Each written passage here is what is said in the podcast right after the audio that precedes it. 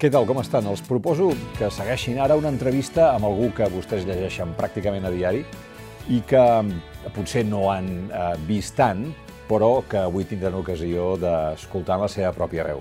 Es tracta de l'Àlex Gutiérrez, periodista, periodista, periodista de l'Ara Ara, cap de la secció de mèdia del diari, el diari des de la seva fundació, autor de la columna diària Pareu Màquines, que ens consta que fa les seves delícies i és professor de la Universitat Pompeu Fabra. L'Àlex Gutiérrez acaba de publicar aquest llibre. Aquest llibre també s'ha d'ensenyar així. És gruixut. És gruixut. És una història de TV3. A la portada diu el relat definitiu d'una televisió sempre en el punt de mira i, en efecte, hi dibuixen un punt de mira.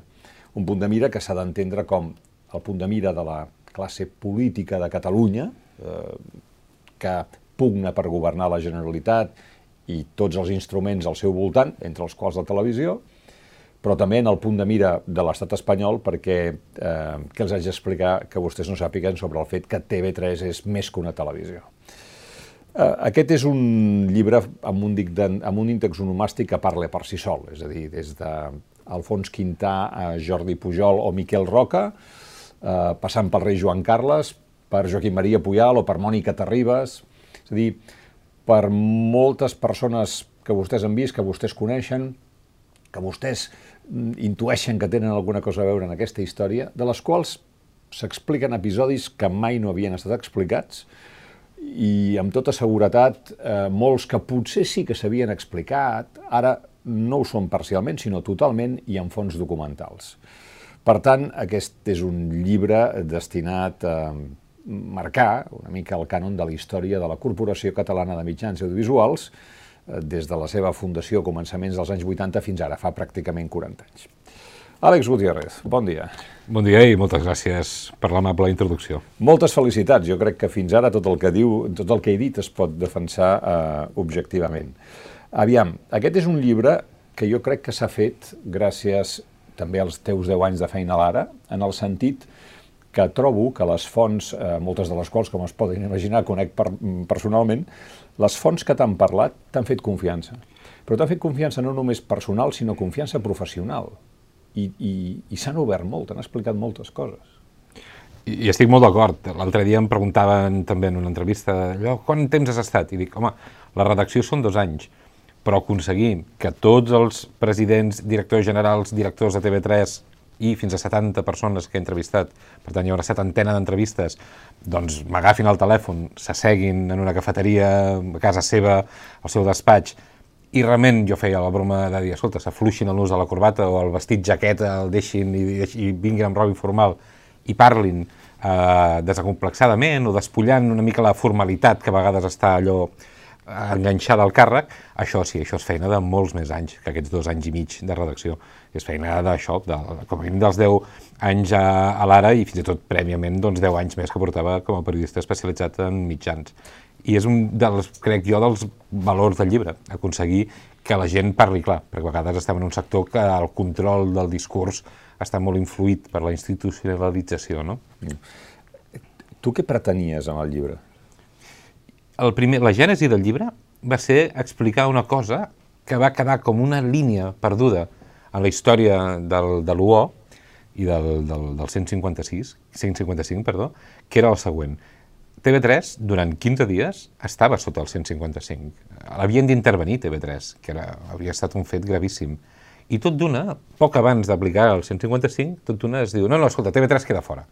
I vaig pensar que, clar, amb la voràgina d'aquells temps, allò no s'havia explicat per què havia passat, què havia passat en aquells 15 dies i que no s'havia explicat, quins fils s'havien mogut. I vaig pensar, escolta, encara que sigui a pilota molt passada, perquè clar, en la immensitat del 155, TV3, malgrat tot, era un detall. Vaig trobar, vaig trobar coses, vaig trobar històries, vaig trobar personatges que jo mateix jo no coneixia, però que havien tingut un paper, i vaig pensar, va, escriu. I això em va animar a dir, escolta, potser hi ha molts episodis que han passat al darrere de la pantalla que no es coneixen i que seria bo, amb una perspectiva general, eh, mostrar-los. I a partir d'aquí, de dir, escolta, aquests episodis que sumen, i és aquest punt de mira, no? Doncs sumen molts agents eh, entestats a aconseguir que TV3 no pugui ser una eina plena, una eina a ple funcionament. Doncs justament per això, ja, ja que ho has esmentat, eh, no, no ho farem eh, eh, diguéssim, cronològicament, però ja que has esmentat el 155, si a TV3 se la insulta, si es menteix sobre la seva feina, si hi ha molta gent que té ganes d'enfonsar-la, de controlar-la, per què l'Estat es va deixar escapar l'oportunitat d'aplicar-li el 155? Jo crec que va haver-hi un moment també de, de por, és a dir, l'Estat estava fent realment unes mesures excepcionals. TV3 va activar un procés de connexió i de, diguem-ne, no sé si dir-ne fraternitat o solidaritat professional entre moltes televisions d'Europa. Els corresponsals que estaven aquí van ser convidats a veure TV3 i a comprovar que TV3 no eren la, allò unes grutes eh, sinistres on la gent doncs, treballava com l'Estasi, sinó que hi havia periodistes fent la seva feina, periodistes de moltes tendències, perquè aquest un dels tòpics de TV3 és adjudicar sempre que TV3 és del color del qui mana i realment un cop coneixes la realitat de la casa doncs és més rica i plural, amb, evidentment amb les interferències que puguin haver-hi, que són les que explico en el llibre, però que no és un relat de blancs i negres en aquest sentit. I per tant, eh, hi havia una certa inèrcia eh, que TV3, clar, que s'estava a punt d'intervenir un mitjà de comunicació, i en aquell moment els, els socialistes, el PSC i PSOE, perquè el, PP ho tenia clar, sí que va dir, escolta, si posem això, potser ens estem posant en un jardí eh, a nivell democràtic. Tot l'UO ja té, diguéssim, molts peus amb basses eh, de difícil sortir-se'n, i aleshores aquesta hauria sigut una més. Aleshores, la, una certa negociació interna, que és la que s'explica al llibre, a Misseta, Sánchez, etc, més la pressió internacional, són alguns dels elements que jo vaig parlar amb gent del PSOE que va estar, un senador del PSOE que va estar operant i que va parlar amb el Javier Arenas per explicar i per demanar doncs, que això no tirés endavant i que ell creu que sí que, algun, que el seu argumentari d'alguna manera també va convèncer el, el PP per, perquè acceptessin reduir aquest punt. Ara que has tingut al teu davant més de 70 persones que han tingut càrrecs de responsabilitat o que han estat decisives, eh, decisives en la història de 40 anys de TV3 i de Catalunya Ràdio, de la corporació, eh, em vols explicar el millor i el pitjor? És a dir, per què, per què, per què TV3 és objecte de desig però és tan atacada? Què passa amb TV3? Home, que és molt sucós, no? És l'empresa comunicativa eh, més important de, de Catalunya és, i és, per tant, la fabricadora, no? la fabricant de relat eh, més important. O com a mínim ho ha estat. També és veritat que justament una de les coses que introdueixo és que el panorama s'està movent molt de pressa, el panorama comunicatiu, i que aquella TV3, que l'any 83 eh, era indiscutible, que era moderna i rabiosament, allò, eh, rabiosament moderna, aquest rabiosament que s'hi afegeix, eh, a l'any 2021 mm, pateix més, està en un entorn que no sé si acaba de comprendre o si acaba de saber com hauria de reaccionar. I per tant, hi ha aquesta, aquesta trajectòria també. Jo crec que això és important. Però sí que és veritat que durant molt temps, és clar, és l'eina comunicativa mm, de primeríssim ordre. Aleshores, és normal que la vulguin controlar. És prou gran com perquè la vulguin controlar, això ho deia també un dels entrevistats, però també, és clar, prou gran com per poder-la controlar, perquè allà hi ha, doncs això, més de 2.000 treballadors, un cos de periodistes molt important, i per tant no és fàcil tampoc. O sigui, la gent creu a vegades, eh, per, justament per aquests relats eh, que, que, doncs, maniqueus que es, es transmeten, que d'un cop de telèfon es canvia tota una línia editorial, i no, realment cada espai té les seves normes, hi ha una sèrie d'organismes que temperen, etc. En efecte, en el seu moment, quan eh, TV3 es posa en marxa amb emissions regulars, a gener del 84, eh, només hi ha dues televisions, Televisió Espanyola i la Televisió de Catalunya. I, i això fa que gairebé es reparteixin al 50% l'audiència. La, eh, Jordi Pujol ha explicat en alguna ocasió que ell com a president de la Generalitat alguna tarda havia agafat, havia agafat el cotxe oficial i s'havia fet portar a un bar del Baix Llobregat i havia entrat a veure què estàvem veient. I quan veia que estàvem veient l'esclava Isaura, per exemple, doncs eh, tornava a Palau molt content. Um, esclar, ara això no és possible. Ara això no és possible. Però en aquell moment allò eh, ho va canviar tot. Totalment. No, no, el panorama canvia, canvia el panorama, canvia el monopoli del relat, canvia, a més a més, la connexió de Catalunya i de l'imaginari català amb el món, perquè recordem-ho que quan es posa en marxa TV3 eh, hi havia una certa voluntat que sempre s'ha focalitzat molt en la figura de José María Calviño, el director general de Televisió Espanyola, però també d'alguna manera era del felipisme, hi havia una voluntat que TV3 fos una televisió regional en el pitjor sentit del terme, és a dir, folclòrica, que sí, que fes teatre en català, les caramelles, etc etc. I aleshores TV3 neix desafiant això.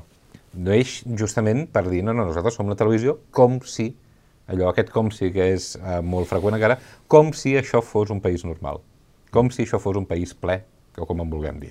I per tant, eh, clar, això inquieta molt, però en el primer moment eh, no saben, directament no saben com respondre a aquesta agilitat, perquè eh, quan a Televisió Espanyola volien enviar a un periodista recollint les declaracions d'algú, hi havien d'enviar set persones, havien de demanar una sèrie de permisos per agafar un cotxe, el senyor que agafava el micro, i TV3 tenia una estructura que amb dos periodistes feia, i per tant arribava als llocs abans.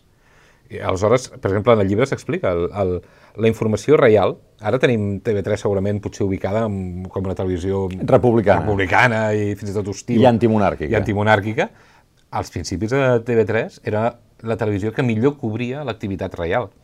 I potser no és gaire conegut, però eh, una de les per ser el delegat, un dels primers delegats de Madrid de TV3, va acabar sent el gran responsable de comunicació de Zarzuela. Jordi Gutiérrez. Jordi Gutiérrez, exacte. I Joan Granados tenia una relació personal gairebé diria amistosa amb el mateix rei Joan Carles. Absolutament, sí, tu sí. cites que la reina Sofia en un dia a Barcelona li diu es que los socialistas no nos sacan, solo nos sacáis vosotros. Exacte. Sí, sí, totalment. No nos sacan por la tele, vull dir, eh? ja, ja s'entén. Clar, perquè els altres arribaven primer. Fins i tot, i això parla, és una mica anecdòtic... Perdona, perquè, això, sí. perquè els altres arribaven primer o perquè eh, era el moment de la Guerra Freda, Pujol Felipe González, i aleshores la Generalitat va dir, molt bé, doncs si amb la Moncloa no podem fer res, fem un bypass i anem a la sarsuela. Hi havia un punt d'això, hi havia un punt que Pujol, que sempre juga cinc partides simultànies en tot arreu, pensava, com que d'aquests no n'enfio del tot, després va venir una cert relaxament i una certa... Bueno, van haver de pactar, eh, sí. I per tant, sí, sí. però aquells moments, any 83, és allò, no me n'enfio. Banca catalana. Clar, clar.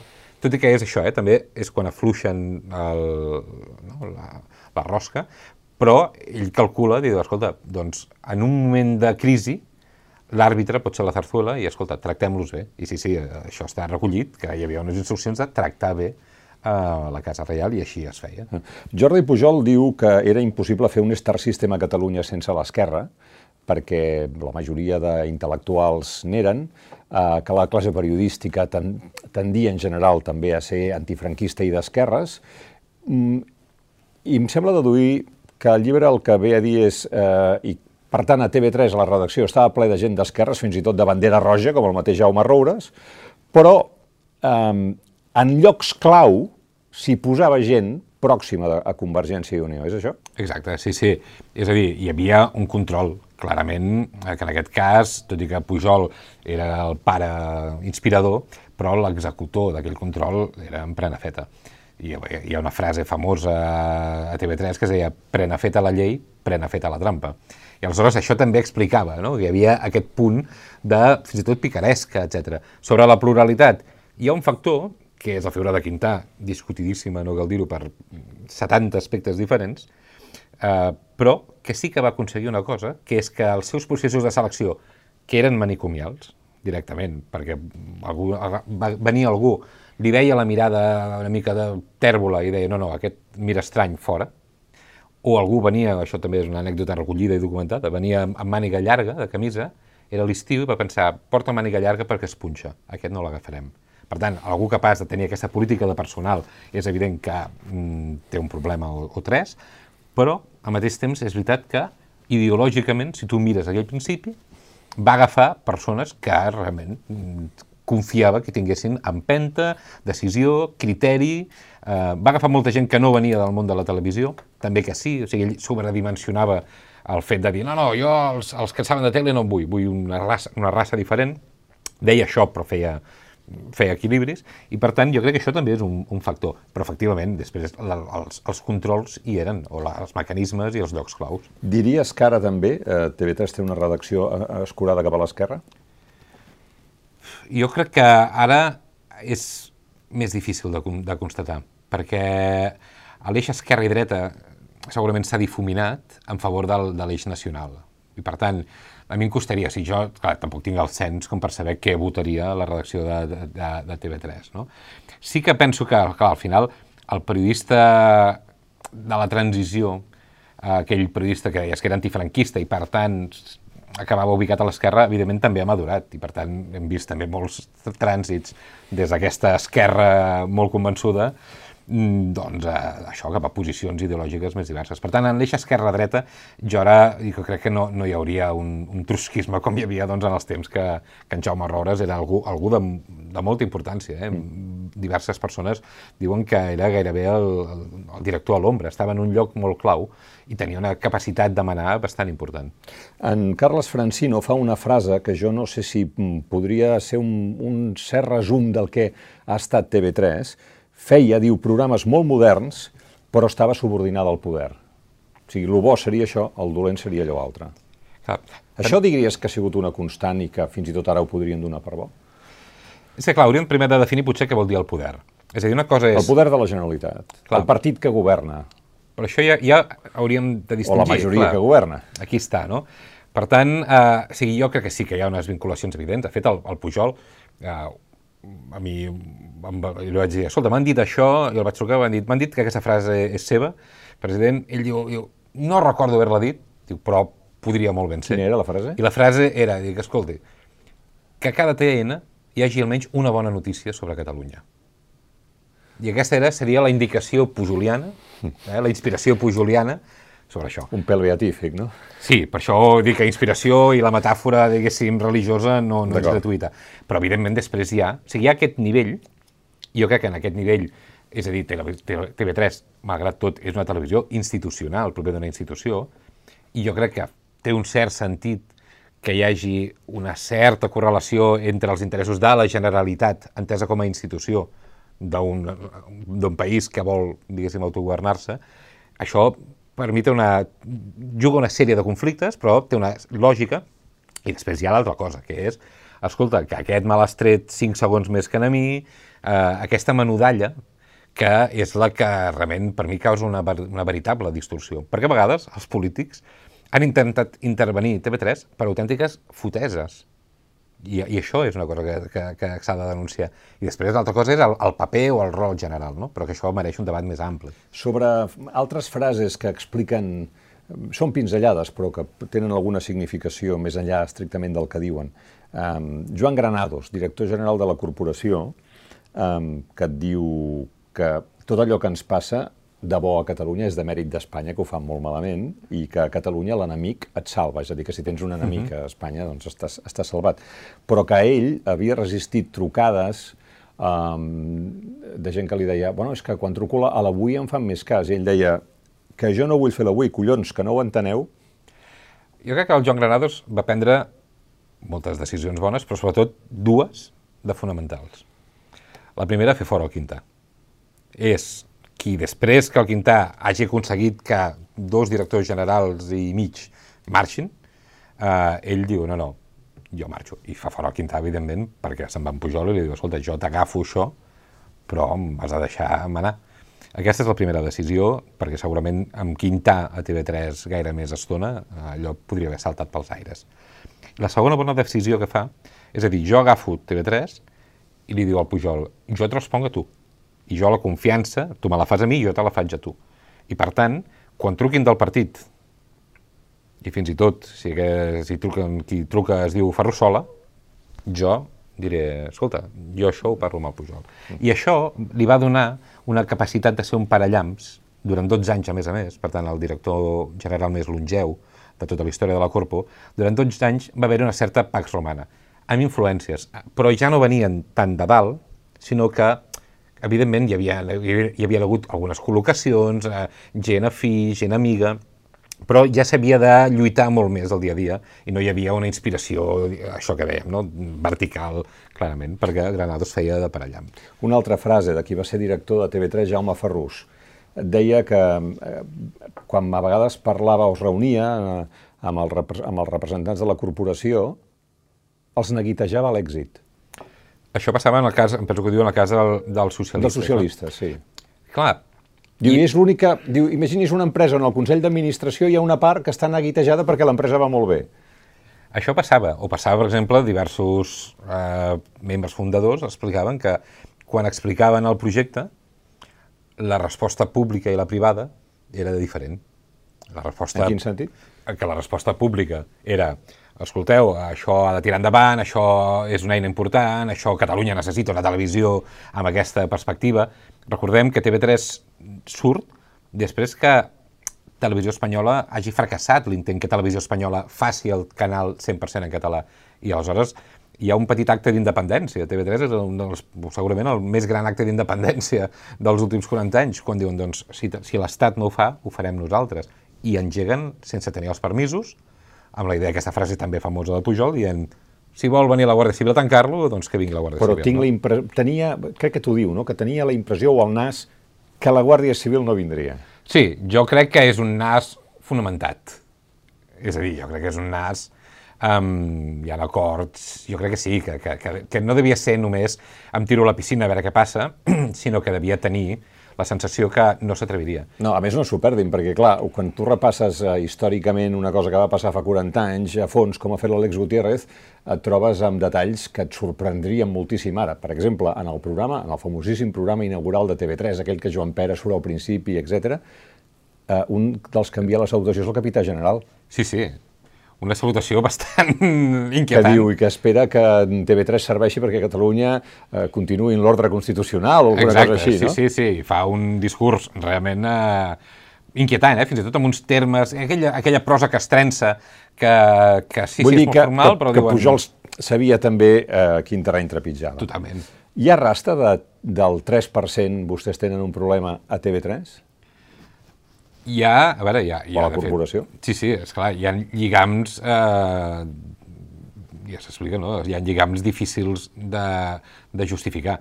O sigui, el que hi ha és aquella activitat que passava, que és una productora treballa per TV3 i després membres d'aquesta productora o aquesta productora o una societat pantalla, o sigui, però aquella productora, aquell grup de gent, li fa la campanya electoral, se suposa que gratuïtament o per un preu que no és de mercat, al, al partit. Això va passar, diguéssim, això, això també està, està documentat, i després hi ha, eh, bueno, hi ha un ex-tresorer eh, de Convergència eh, que també... O sigui, hi ha tota una sèrie de lligams entre Convergència al partit en l'entremat del 3% i productores que feien feines a uns preus difícils a vegades de justificar, que eh, han acabat això no? amb, amb algunes imputacions, no? en el cas de, de Triacom, per exemple. I, per tant, això és un dels, dels pecats originals. Sí que és veritat que eh, caldria veure quina és la responsabilitat de TV3. És a dir, si TV3... Eh, el que no està acreditat és que TV3 participés amb aquiescència d'això. És a dir, que TV3 formés part, o si era senzillament el pou on alguns els deia, escolta, aneu a picar en aquesta porta, truqueu en aquesta porta, etc. Clar, la voluntat manifesta de TV3, això no està documentada, perquè ningú escriu en un paper eh, i les comissions no han anat a TV3, ningú de TV3 ha quedat eh, esquitxat per al, TV, per, per al 3%, però sí que ha format part d'un entramat, i per tant, el que se li pot atribuir com a mínim, no sé quin és el màxim, jo he d'admetre que no, no he trobat el màxim, però el mínim és que TV3 va ser, diguéssim, instrumental i que la gestió econòmica i les auditories internes de TV3 en alguna etapa assenyalaven aquestes anomalies. Jo parlo amb un dels auditors externs que deia jo feia les, les auditories, però depèn quin director general me les comprava i depèn quin director general les posava allà a l'arxivador. Per tant, la gestió econòmica de TV3 durant un temps permetia aquestes coses. El- L'any 2003 la, es forma el primer govern tripartit. Pasqual Maragall president, el 2006 vindrà José Montilla, arrencarà Joan Major, exministre socialista, exalcalde de Mataró, com a director general de la corporació. Eh, quins d'aquests eh, modus operandi, eh, ja sigui en la influència política o en l'intent d'aprofitament econòmic, eh, etc., de l'època de Convergència i Unió continuen, quins es canvien, és a dir, fins i tot si t'atreviries a dir en quina de les dues èpoques allò que en Francino en deia la subordinació al poder va ser més forta. A veure, sí que és veritat que el, el propi caràcter del tripartit, la fragmentació del tripartit, afavoria una major llibertat. Sí, perquè eh, el govern de Pujol eren tres, Jordi, Pujol i Soleil, no? Deia la frase. Efectivament. I per tant, eh, això ajuda molt, en el sentit que que si tu tens tres, eh, això, els que tenim fills, diguéssim, en parella, És ideal. eh, ho veiem clarament. Quan el fill et demana alguna cosa i no ho aconsegueix, immediatament li demana l'altre. I per tant hi ha un repartiment i, i doncs això, amb tres, imagina't. Per tant, aquesta fragmentació ja ajudava a un cert relaxament. Jo sí que penso que la, la última etapa de convergència en el poder a TV3 és clarament la més conflictiva. És la que, el que passa és que també és una etapa que em causa una certa incomoditat de parlar-ne perquè algunes de les persones que estaven dirigint en aquells moments o bé són mortes o bé no es troben en disposició de parlar i per tant em sembla que això és just, diguéssim, acotar-ho així. Ara, dit això, quan arriba a aquesta televisió, sí que d'alguna manera eh, Joan Major repeteix l'esquema Granados. Joan Major li demana a Pasqual Maragall de dir jo això t'ho agafo, però tu i jo. I per tant, i més d'una un parell de vegades va que algú del seu partit doncs, el trucava per dir, escolta, això, etc. Um, ell ho va frenar i va dir, escolta, això, mira, jo no... truquin aquest. A partir d'aquí, fer la valoració de, de, la, de, la, de la tele. A veure, hi ha un canvi important, per exemple. És la primera vegada que s'anomena un director format a la tele, com és en Francesc Escribano. Això no havia passat fins ara. O sigui, s'havien nomenat directors que això no Sí, va... sí, com aquell que posa el Xavi d'entrenador. Sí, no va en detriment de... Perquè, és a dir, per exemple, has esmentat el Jaume Ferrús.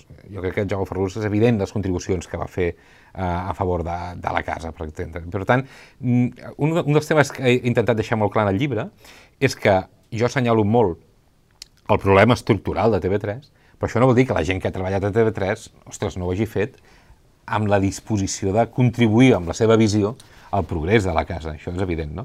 Per tant, però sí que és veritat que és significatiu que fins a això, no? fins a l'any 2003, és a dir, 20 anys després de, de, de la creació de TV3, els directors arribessin per una via, diguéssim, des, des, designats, a vegades a dit, per, per, evidentment, per Jordi Pujol, no? I en aquest cas és algú que estava treballant a la televisió, no format, per tant, jo crec que això ja suposa un canvi de, de paradigma. Mm. I en l'etapa, diguéssim, preindependentista, um, és a dir, eh, sota, a partir del 9 de, de novembre de 2014, amb la primera consulta, amb l'arribada de Puigdemont i tots els fets posteriors i fins avui, um, ja en aquests moments, amb un president d'Esquerra Republicana, quin és el nivell de subordinació al poder? En l'etapa preprocés. L'etapa preprocés jo crec que és el, el petit oasi abans de la calma, però hi ha un fet que ho distorsiona molt tot, que és els diners.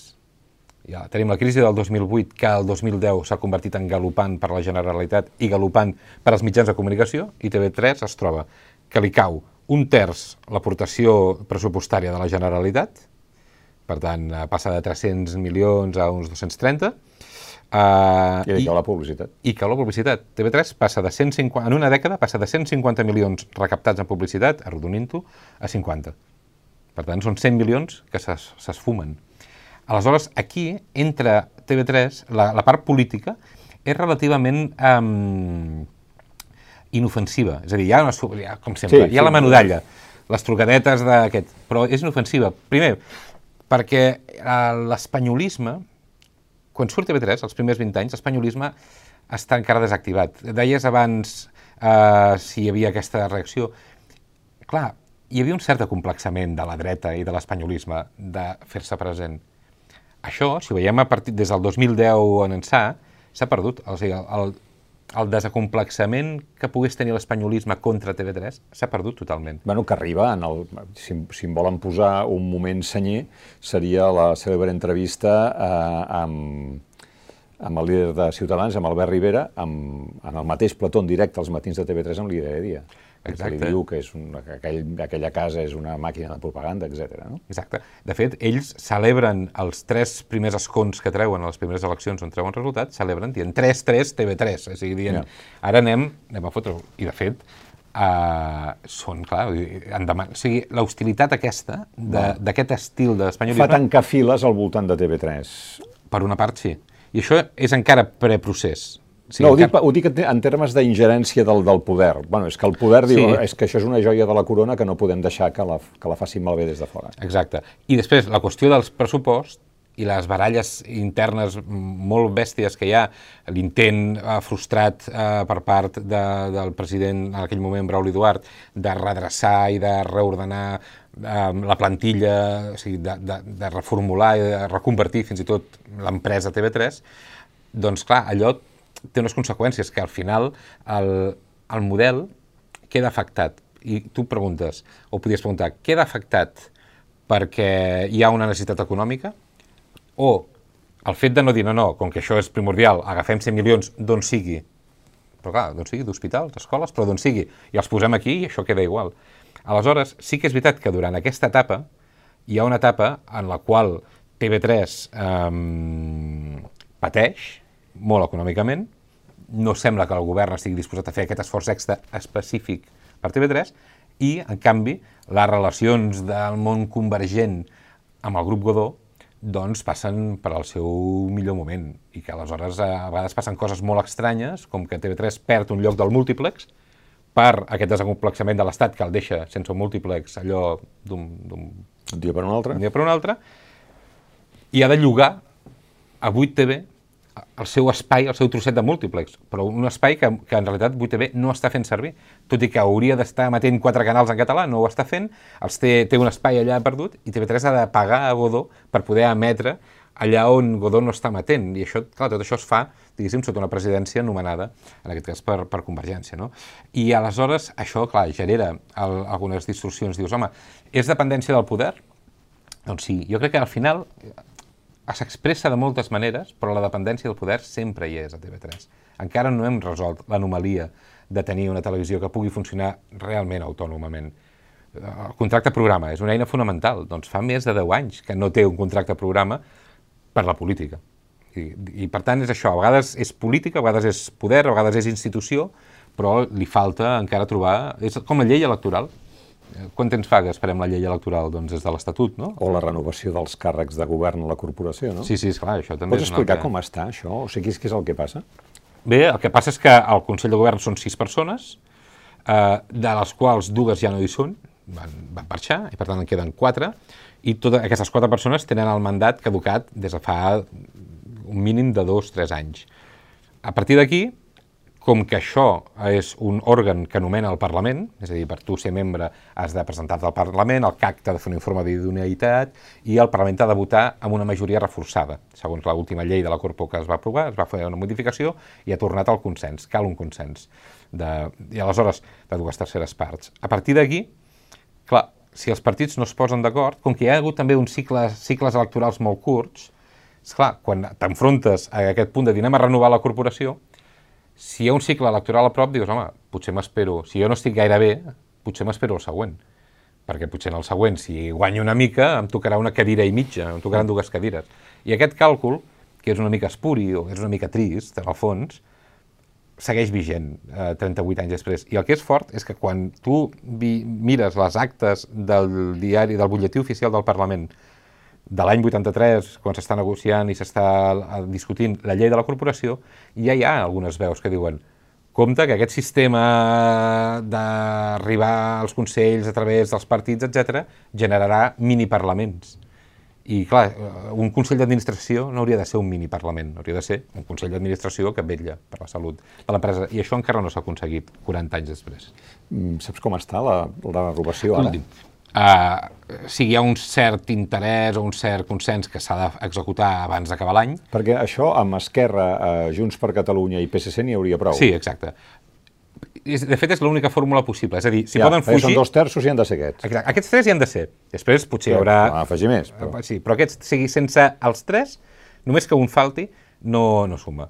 I aleshores, clar, a partir d'aquí, eh, des del punt de vista de Junts, que d'alguna manera la presidència ja és seva, poden pensar, nosaltres ja estem bé, tampoc tenim tanta, tanta pressa. Per tant, un càlcul estrictament electoral. No dic que sigui l'únic càlcul que estan fent, però aquest càlcul, evidentment, també hi és mm. sobre la taula. Seria naïf pensar que no hi és. En el cas d'Esquerra sí que té més pressa, per, òbviament, perquè ara són ells els que estan ocupant la presidència de la Generalitat i tradicionalment hi ha hagut una correlació. I després, en el cas del PSC, sap que té aquesta pella pel mànec, que és el tercer necessari, i per tant doncs, hi ha una sèrie d'exigències a la corporació que li agradaria que li compressin. són exigències eh, difícils de comprar per part tant de Junts com d'Esquerra. I per tant, això eh, condemna a, a, a, un, a, un, a un diàleg eh, que pot ser, diguéssim, enquistat. Eh, I a més a més, tot això es complica pel fet que, com que hi ha més organismes, com el propi CAC, etc, eh, que depenen també, o sigui que tot això es negocia en PAC i per tant, eh, quan fiques coses en PAC es complica més. I fins que no renovin el Consell no hi haurà noves direccions a TV3 i Catalunya Ràdio. Exacte, perquè, a més, recordem, això no hauria, no hauria de ser així necessàriament, però serà així. La nova llei de la Corpo, a part de fixar aquesta norma de la majoria reforçada, el que va dir és a dir, escolta, els directors, que fins ara es nomenaven a dit, per al propi Consell de Govern, a proposta del president, però votats pel, pel Consell, doncs ara es nomenaran per concurs públic aquesta és una eina que, en teoria, dona molta transparència, però que eh, a mi em genera uns dubtes enormes. Per què? D'execució. Perquè si ara mirem el que ha passat a Televisió Espanyola amb el concurs públic, per exemple, en aquest cas era el concurs públic per escollir... El director eh, general. El, sí, el, i el Consell, I el, el propi Consell, els, els consellers. Ha sigut un desastre, sense pal·liatius. Um, I al final ha colgut un acord PSOE-PP dient tu, tu i tu, i tu i tu i tu, tu dius aquests, jo dic aquests que no han sigut els més qualificats, els més entrats, o sigui, ha sigut un desastre. Ha, ha trigat dos anys per acabar acabant resolent-se... Què vols dir, que la gent més qualificada no vol anar a un concurs públic? No, no necessàriament, però... És a dir, al final, jo ara penso, ostres, el director, o sigui, voler dirigir TV3, que hauria de ser un dels màxims honors eh, per un periodista o no necessàriament un periodista, però per un periodista hauria de ser un dels màxims honors dirigir TV3 i no hi ha uh, bufetades específicament. Hi ha alguns sí, que hi ha alguns noms que cada 15 dies truquen als partits, per... però no hi ha bufetades. Per què? De fet, un dels capítols del llibre parlo amb tothom qui no ha volgut ser director o conseller o director general de la Corpo o director de TV3. Joaquim Maria Puyal n'és un. Per exemple, que em parla um, per primer cop. Ell no ho havia explicat mai explícitament per què, mm. llavors, eh, doncs, i a més a més, ho coneixes prou bé com per saber que no és fàcil arrencar una, una declaració. Mm -hmm. Em pots donar fe, no? I sí, sí, hi havia hagut aquests moments, a vegades gent que els truquen perquè figuri com a nom, no? Yeah. Uh, sí, sí. puc posar allò... Hi puc posar com a nom per, mm. perquè saben que es cremarà. Per tant, tot això és, és una menudalla que perjudica molt, al fons, la capacitat de la de la tele de ser una estructura. Nota peu de pàgina.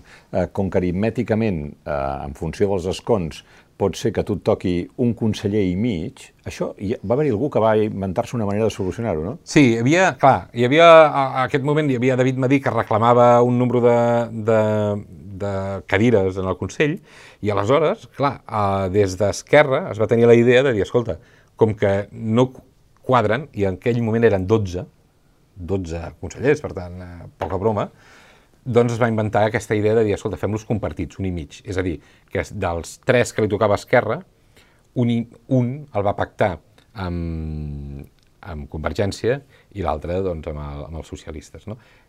Paradoxalment, el que va pactar amb Convergència era la Núria Llorac, que precisament és l'actual president en funcions de la corporació i que, diguéssim, home, no és que pas que sigui una persona hostil ni molt menys esquerra, però, però no és d'esquerra. Però clarament no, no és d'esquerra i ha actuat diguéssim, en la dinàmica de Junts, en aquest sentit.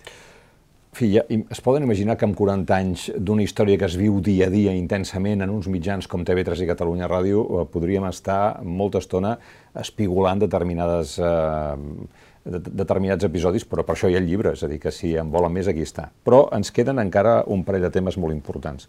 M'agafo a una expressió que has fet servir abans, no? quan has parlat del problema estructural de TV3 podríem fer-ho també extensible a Catalunya Ràdio podríem de la corporació. Quin és el problema estructural i quina solució té? Home, el problema estructural és com dissenyes aquella casa per poder emetre continguts a l'era en què diem que el contingut és rei.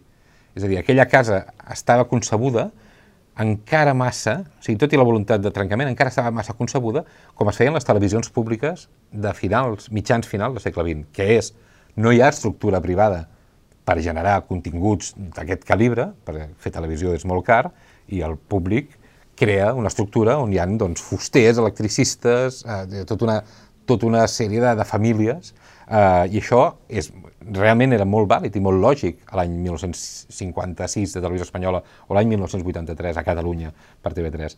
Però el 2021 una empresa de comunicació potent necessita... Quins perfils necessita?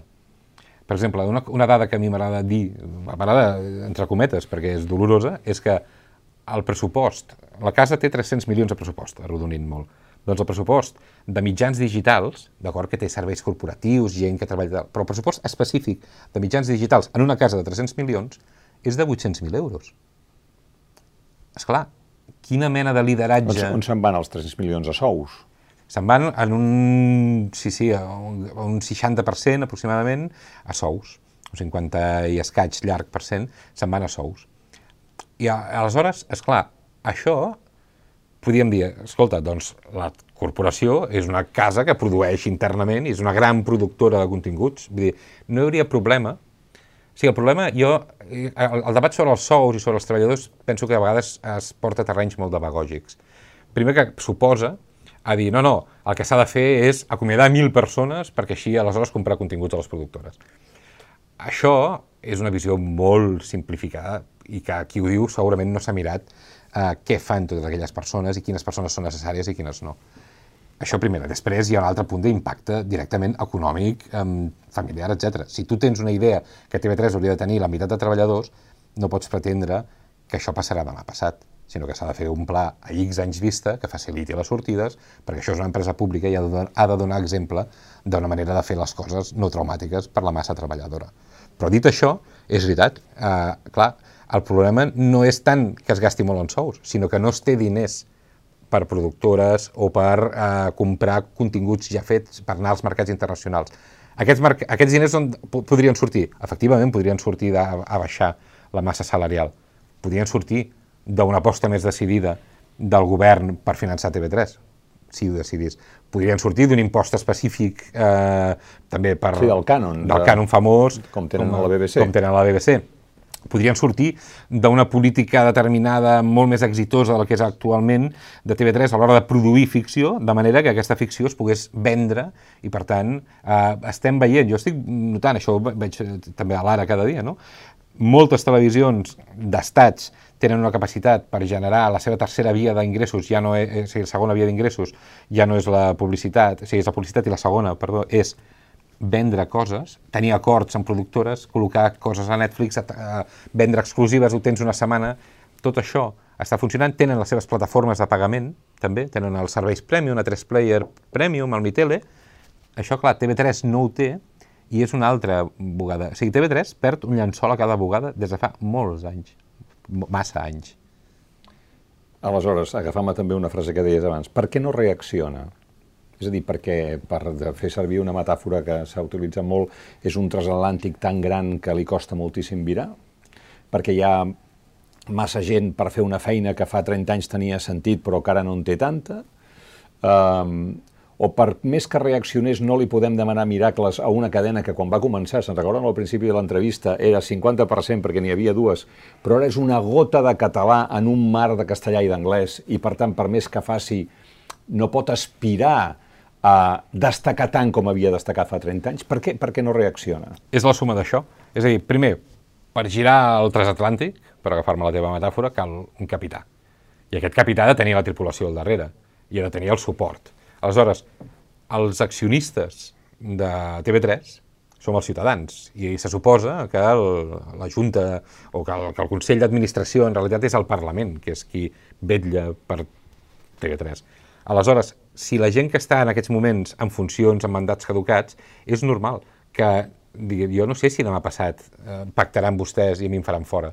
Jo no em sento legitimat per canviar la corporació i marxar un dilluns i marxar un dimecres. Per tant, un problema és l'estabilitat institucional que necessita TV3 i que no se li dona per insisteixo, la, el vol gallinaci polític. Per, espera que estem comptant quarts de cadira i mentrestant, clar, el transatlàntic va fent, pobre, avançant.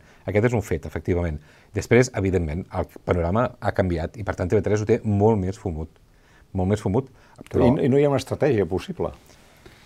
Jo crec que sí, jo crec que sí que hi és. És a dir, el, el, hi és i, i em consta que hi ha gent que s'hi està trencant la, la closca.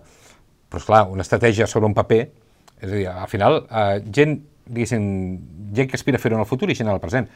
El director president de TV3, el Vicent Sánchez, ha explicat com vol rellençar el, el canal infantil, juvenil, la, la finestra infantil i juvenil que s'ha liquidat totalment, eh, es va tancar mínim històric en el Super 333. I és evident que el futur no és TDT per la canalla, però és insignificatiu que estiguem en mínim històric. Té un pla, però és clar, resulta que quan fa aquest pla eh, val una vintena de milions, no arriba, però una vintena de milions. Altre cop, aquests diners d'on surten? I per prendre aquesta decisió s'ha d'estructurar diferent la relació, o sigui, s'ha d'estructurar diferent TV3, però també s'ha d'estructurar diferent la relació del poder amb TV3 i del Parlament amb TV3. Donar-li un contracte programa, donar-li pressupostos que no siguin prorrogats. Poder fer coses a 5 anys vistes. No poden fer coses a 5 anys vista sense un contracte programa. Uh -huh. uh, la, la influència de les plataformes, la idea que hi ha molta gent que ja no espera que siguin les 9 de la nit o dos quarts de 3 de la tarda per veure una cosa, sinó que la vol veure quan vol. I, per tant, allò que se'n diu la televisió en línia quedarà greument afectada. Um, hi ha alguna solució per això? Mm, no, però no és necessàriament un problema. És a dir, si tu ets capaç de seguir servint els teus continguts, és a dir, el que cal fer és canviar el paradigma que TV3 és una antena, al Collserola i a 12 llocs més, que va fent coses. No, o sigui, TV3 és una manera d'entendre el món i, i el país i que explica això, com qualsevol mitjà de comunicació, té una mirada. Allò, ho hem parlat alguna vegada, no? la, la frase de, de l'Arthur Miller. Un diari és una nació parlant-se a si mateixa. Doncs TV3 hauria de ser una nació parlant-se a si mateixa. I l'any 1983 això era una antena al Tibidabo i l'any 2021 doncs és el mòbil. I aleshores, i sí, quan jo vull, perquè mira, avui he acabat de sopar tard perquè, jo què sé, la pizza no s'acabava de fer al forn. Doncs ara posaré les... No doncs he arribat tard a casa. Doncs. Posaré, m'ho posaré més tard. I per tant, hauríem de desacomplexar-nos per això si som, estem creant estructures capaces de ser presents en el món l'any 2021, els mòbils, etc. Si no, no, llavors sí, llavors sí que és, és una emergència, diguéssim, climàtica, doncs mediàtica, no? si em permeteu. Però si no, esclar, uh, si som capaços de, de crear infraestructures digitals, TV3, aquesta és la idea, no és rescatar uh, la TV3 dels anys 80, sinó és rescatar l'esperit de la TV3 dels anys 80, que és diferent. Mm -hmm. Acabem. Mm, qui t'ha fet molta il·lusió que parlés en aquest llibre? Ostres, uh, a veure, diverses, diverses persones, diguéssim. Em va fer il·lusió Jordi Pujol, perquè tot i que això no hi tenia un contacte, l'havia vist una vegada uh, a la vida, el fet que accedís i que parlés, penso que li donava doncs, automàticament al llibre un, una certa entitat, no? Això per mi és important. M'ha fet il·lusió la suma, és a dir, realment només hi ha hagut una persona que no pas directament, sinó que està il·localitzable i que no m'ha agafat el telèfon. A través d'emissaris eh, vaig demanar a veure si li podien, em consta on diuen que el missatge li va transmetre, eh, però és l'única persona que no m'ha contestat. I per tant el que em fa il·lusió és això, que, que ningú eh, m'hagi retirat o no, no s'hagi volgut.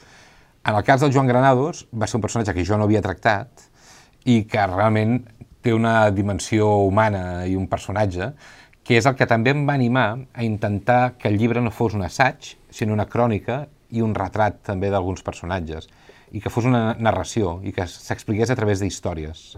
I per tant, eh, això també ha sigut per mi eh, important. I després hi ha hagut personatges potser no tan rellevants, però que eh, expliquen des d'una segona fila, des d'una tercera fila, que, que són importants. Jo crec que, per exemple, la periodista Dolors Genovès, per dir alguna cosa, eh, és algú que no tindria per què explicar algunes de les, de les coses que explica i, i, i estic molt agraït que ho hagi fet, per exemple. Àlex Gutiérrez, autor d'Objectiu uh, TV3, el relat definitiu d'una televisió sempre en el punt de mira.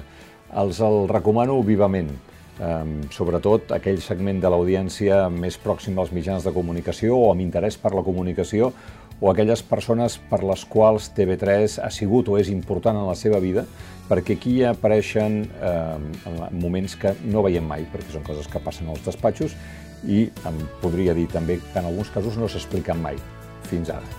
Àlex, moltes gràcies. A tu, gràcies. Gràcies també a vostès per haver-nos vist. Si ens volen fer arribar els seus comentaris seran benvinguts al peu de la finestra, on han seguit aquesta entrevista eh, que hem fet al plató de l'ara.cat. Fins una pròxima ocasió.